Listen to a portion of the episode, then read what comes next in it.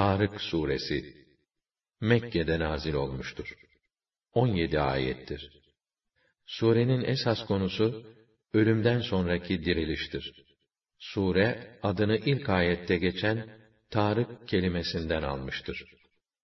Bismillahirrahmanirrahim Rahman ve Rahim olan Allah'ın adıyla. وَالسَّمَاءِ وَالطَّارِقِ وَمَا أَدْرَاكَ مَا الطَّارِقُ النَّجْمُ الثَّاقِبُ Göğe ve Tarık'a kasem ederim. Tarık bilir misin nedir? O pırıl pırıl parlayan bir yıldızdır. İn kullu nefsin lemma aleyha hafiz. Hiçbir kimse yoktur ki yanında bekçi bir melek bulunmasın. فَلْيَنْظُرِ الْاِنْسَانُ مِمَّ خُلِقَ Öyleyse insan neden yaratıldığını bir düşünsün. خُلِقَ مِنْ مَاءٍ دَافِقٍ يَخْرُجُ مِنْ بَيْنِ الصُّلْبِ وَالتَّرَائِبِ O, bel ile göğüs nahiyesinden çıkan atılan bir sudan yaratıldı.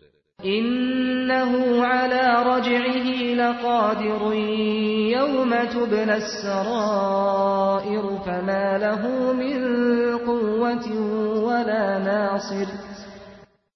Onu ilkin yaratan Allah elbette onu diriltmeye kadirdir.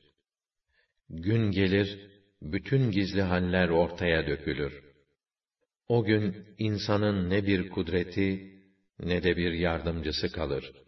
وَالسَّمَاءِ ذَاتِ الرَّجْعِ وَالْأَرْضِ ذَاتِ الصَّدْعِ إِنَّهُ لَقَوْلٌ فَصْلٌ وَمَا هُوَ بِالْهَزْلِ Yağmur dolu gök, bitkilerin çıkması için yarılan yer hakkı için, bu Kur'an kesin bir sözdür hakla batılı ayırt eden bir sözdür.